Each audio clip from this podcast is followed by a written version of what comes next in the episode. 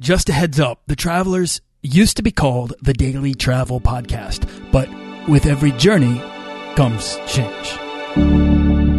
This podcast is produced by Holocene, a community of creative travelers. If you want to get serious about planning that next trip, writing that book, starting that creative project, or launching that business, we're breaking down the barriers between where you are where you want to be together at joinholocene.com. That's join, H O L O C E N E.com.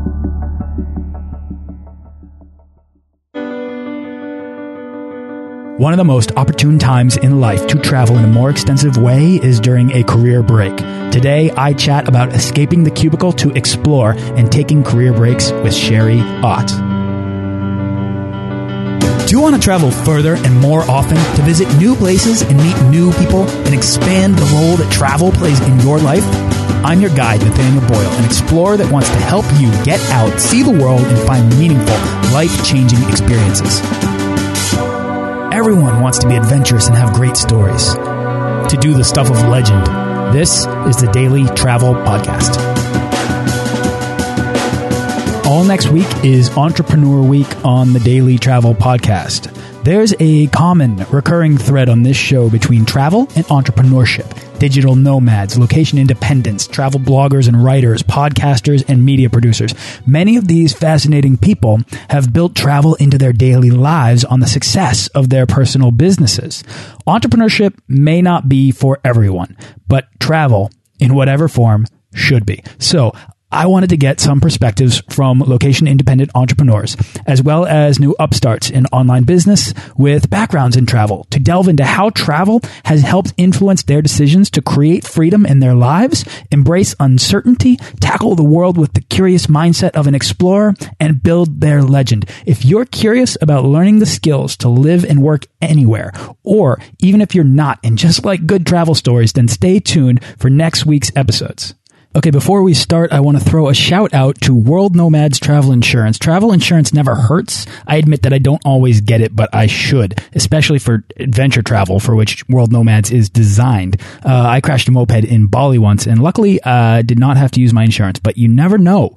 Uh, if you want to be adventurous, it's just smart. World Nomads has put together a passionate community of travelers and are doing all sorts of great initiatives with aspiring travelers, travel bloggers, writers, podcasters. So check out World Nomads Travel Insurance. And all of the resources mentioned on this show can be found at dailytravelpodcast.com slash resources. I curate them from personal experience and the recommendations of all my guests who are amazing world travelers and industry experts. So whatever it is you need help with, there's a good chance there's something there that's got you covered. Podcasts really depend on your input, particularly your reviews. And if you could leave me a review on iTunes, I would be forever thankful. I'll even feature your review on the show. So feel free to ask any travel question or leave your best travel tip, and I'll try my best to get it here on the show.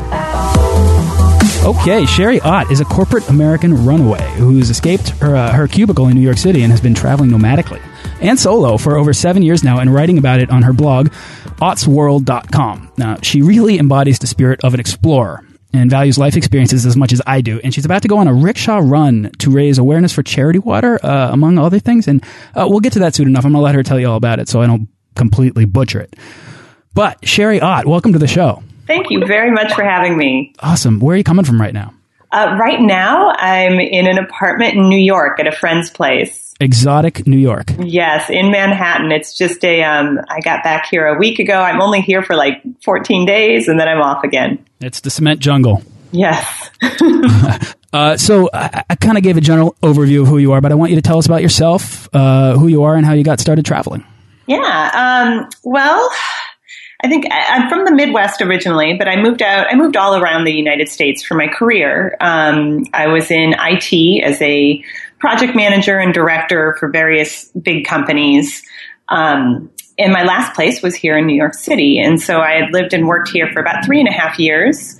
And I think, you know, I was 36 years old and I had finally just had enough. I needed a break. Like, had finally kind of come to my tipping point, um, and was feeling really burned out. So I decided to do something completely radical and um, take off and travel around the world for a year was my original plan. of which I had no idea how to do it. Um, I had no previous experience traveling. In fact, I didn't even have my passport until I was 30 years old. So it was a wild idea for me, but I, I got the idea and then I planned it for about a year and a half. I sat and kind of planned it out and worked and saved money. Um, and that's how I took off. And, and was that your first time traveling outside of the country? No, but it, boy, it was probably about my fifth time. Um, yeah, I mean, I, I, went out of the country first when I was 30 years old, um, and then had made a couple of trips after that because I really loved it, obviously. But this was my first time I had ever done extended travel and traveled on a budget. Why did you turn to travel then? Like, who who was the person that was there in New York that was, uh, you said 36 years old, had been in New York for three and a half years. Who was the person and, and what did they want? And why was travel your solution? you know what? I don't have a person. Isn't that crazy? Um, I can't point to one thing. But what I can say is that once I did start traveling when I was 30 years old, it, it, out of the country, um, I, became really fascinated with the people I met along the way. Even though I was only there for like a one week vacation, I'd meet these people who would ask like, "Oh, how long are you out for?" And I would just kind of look at them and go, "Well, one week because that's all I have." And you'd ask them the same question and they would be traveling for six months. And I was so intrigued with these people and how they could live their lives like this and how they could just let go and how they didn't worry about retirement and all the stuff that we're kind of um, programmed to worry about, right? And I was fascinated and I, I kind of, I'm a, I'm a challenge junkie in a way. And not always like crazy, like, you know, jump out of airplane challenges, but like challenges like that. And so I think it kind of stuck in my head and I started wondering like, what would it be like to travel for three months? Um, and that's, you know, I loved seeing the world. It was fascinating. It was something new every day. And so I just, it was a little addiction. I never wanted to come back when I was on vacation. That was one big problem. So I thought I should kind of explore that some more. So was it mostly? I mean, for you, it sounds like if you're a, if you're a challenge junkie, is it is it like curiosity that you're trying to satisfy, or is it a um, or is it or is it just a need for something more, some to experience something greater? You know what it is? It's honestly, it's the need to experience something new all the time, um, which I, I call it a, an addiction. It is. It's it's kind of a curse and a great thing at the same time. Um, it's but for me, it's absolutely about the newness of something, of like not going to the same, you know, I, once I would even live in a city for a couple of years, I would get bored with it. Um, I, would want to move on.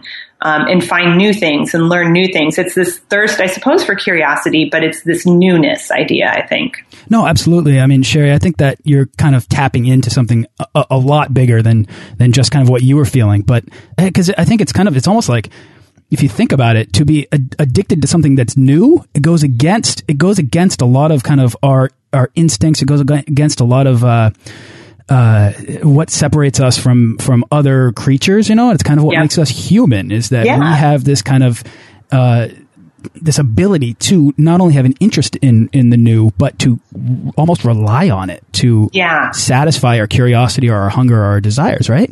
Yeah, exactly. And, you know, and some people possess it more than others. Some people are really happy being in, in routines and knowing what to expect. And as comfortable as that is, and I do still crave that at times, certainly, um, I also would get completely bored by it. So I just, I needed to be out meeting new people and going new places and seeing new cultures and seeing things that just made me go, what the heck is that? And why do they do that? Um, on a daily basis. yeah. I, I know the feeling. I have the feeling right now. I mean, I have it right now. I just, I want to go somewhere I haven't been and I want to experience something that I don't understand. And, and I, and I feel that all the time. And I, I love it. It's kind of what, uh, drives me to uh, to to be curious or to get up in the morning is like how can I have a, the tiny experience that kind of satisfies that and that's my personal challenge every day and that's maybe how I'm also a challenge junkie. Um, you, you, can kind of start small like that and then you know jump into something bigger like what I'm doing I suppose. There you go. So so let's talk more about what you're doing because let's let's step back and rewind and go back to when you left. Where did you go?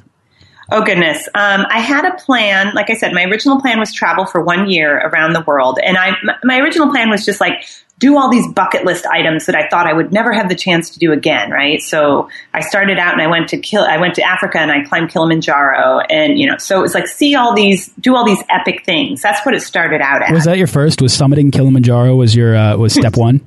uh, yeah, pretty much.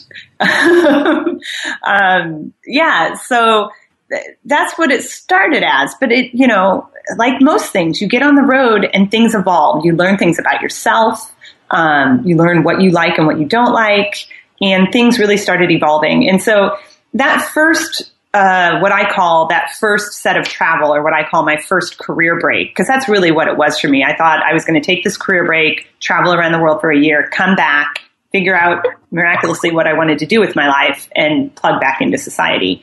Um, so my first career break, I ended up stretching that into about 16 months of travel because uh, I changed my all my plans. I changed everything around once I started get go- once I started going, and then oh, and I hit about 23 countries on that first 16 months of travel.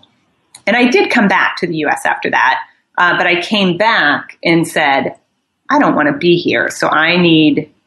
Well, I already knew that I needed to come up with a plan for how to stay on the road. Um, but I did come back and check in and see family and and see my old apartment that I had sublet here in Manhattan. And that's kind of when I decided I made a plan for how I would go back out on the road and I sold everything and put some stuff in storage and took off again. Unbelievable. So, all right. So, so you've got this like, all right, at some point in, what did you say, 23 countries in 16 months? Yeah. So that's almost like that one, was, and a half, one and a half countries per month or something. I don't, I don't quite travel like that anymore, but. that, that, that is, is, a really fast pace to keep up and yeah. few people do, but, um, but man, I mean, to, to look back and to have, to have felt like you did that, I mean, I'm sure that uh, uh, somebody like yourself and everything that you've said so far, uh, I'm led to believe that you're not satisfied by that. But you're still not satisfied. But uh, to be able to look back on that and and uh, and say this is what I did, and you know whether it's five countries, ten countries, 20, 23 countries, uh, you know, or even 193 countries, it's like to look back and to have that accomplishment there's no regret, and that's great. That's I mean that is a great platform to go forward. Yeah, and it was you know I look back at that first basically year and a half of travel, and I'm really nostalgic about it because that was a time that was a true break to me, and I was figuring out what I wanted to do, and I wasn't working. Um, I was I was absolutely following my passion and just doing what I wanted to do. You know, now I travel a bit differently. Um, not that it's not as great, but it's just different. Well, that's going to lead me to my next question, which is basically uh, how how could you afford to keep going at first, and then uh, I guess perhaps it's different now. Yeah, well, I mean, the original free break, like I said, I planned for about a year and a half or so and saved up money. So I'd saved up bonuses and had a budget for that, and I traveled quite well. Um, but when I came back, I had I still had some money left, but I knew that I needed, if I wanted to keep traveling, I had to make money when I was traveling somehow.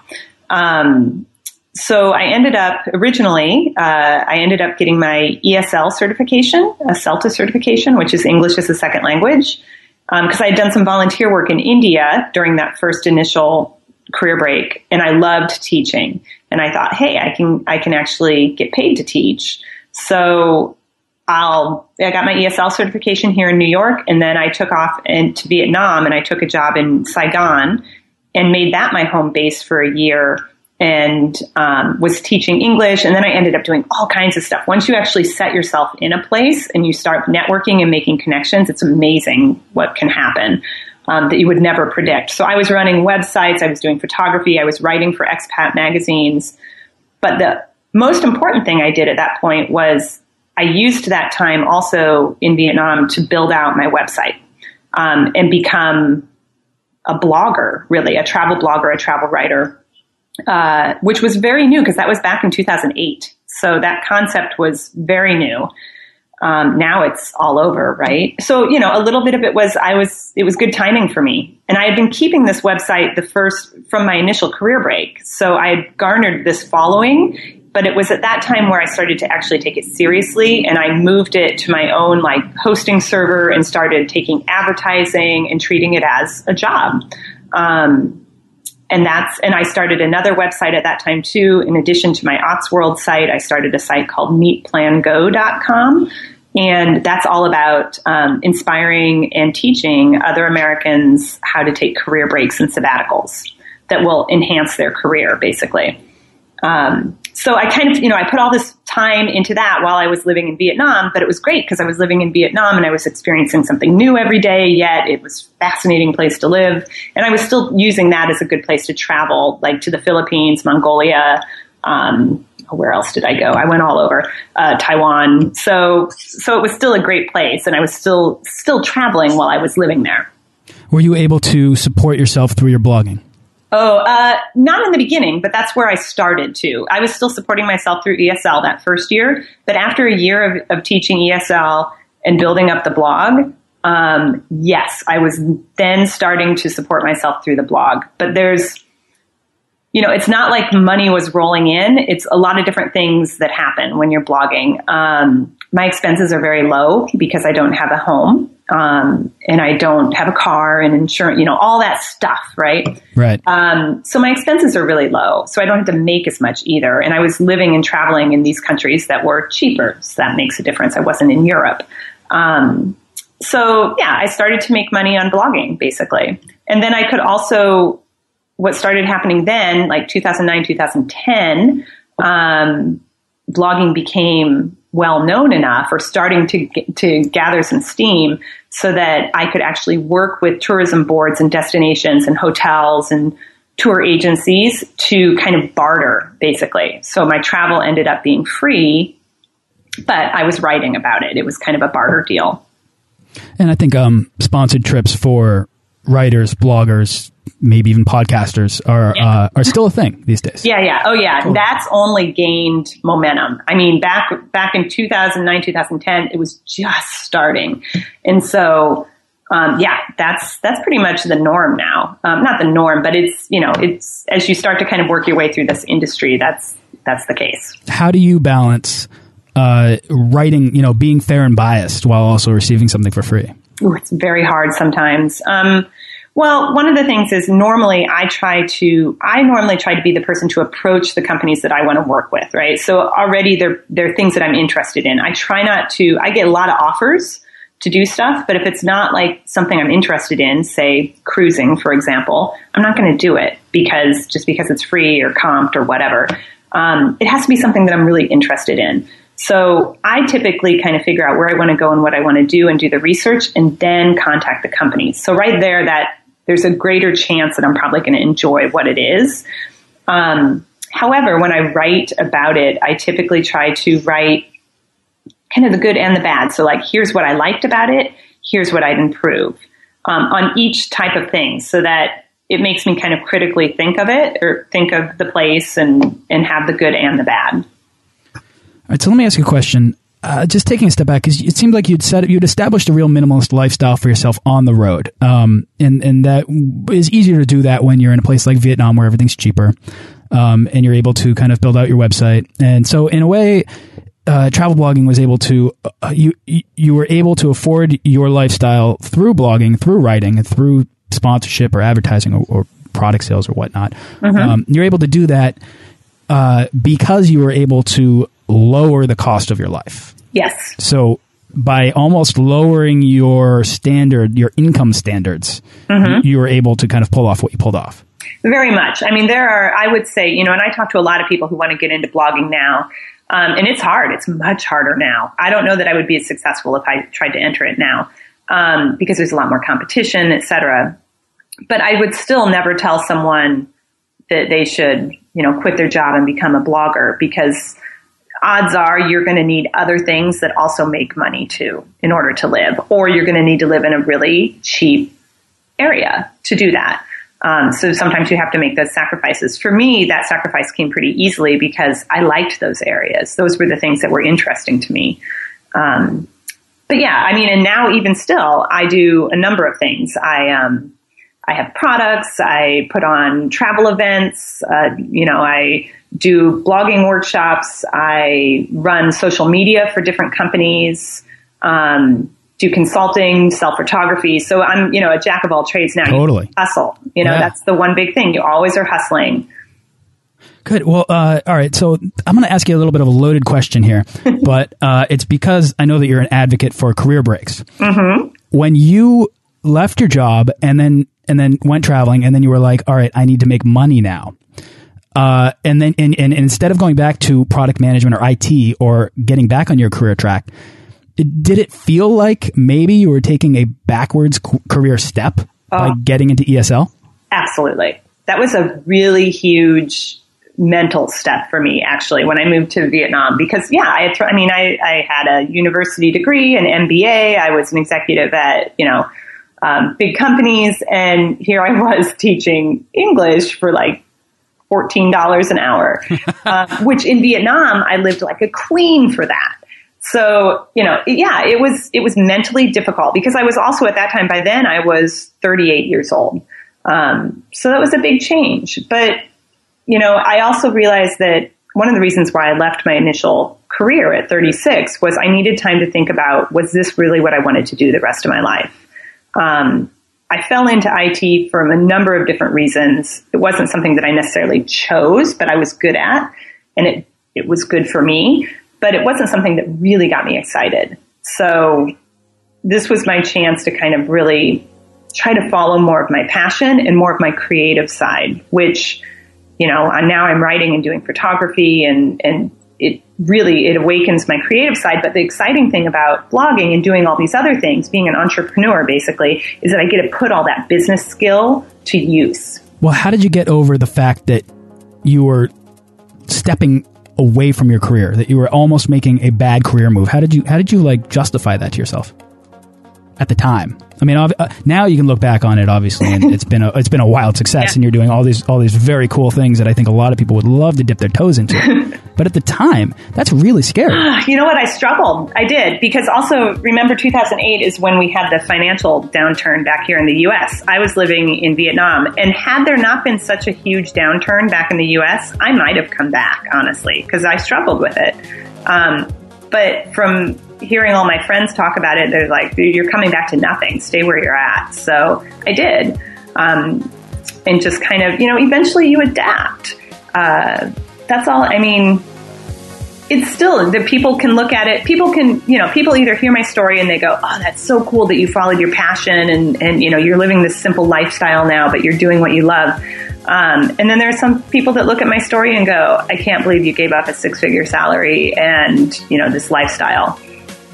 You've been listening to the first part of my amazing conversation with Sherry Ott of ottsworld.com. Uh, tune in to episode 28 for part two of our chat, where we'll discuss why and how you can make long term travel a possibility at any point in your life. Plus, Sherry gives her best travel advice. Thanks for listening to this episode of the Daily Travel Podcast. For show notes and links to everything in this episode and more, head on over to dailytravelpodcast.com. Join our Facebook page of explorers and subscribe to our newsletter for the best deals and resources to help make your next trip life changing.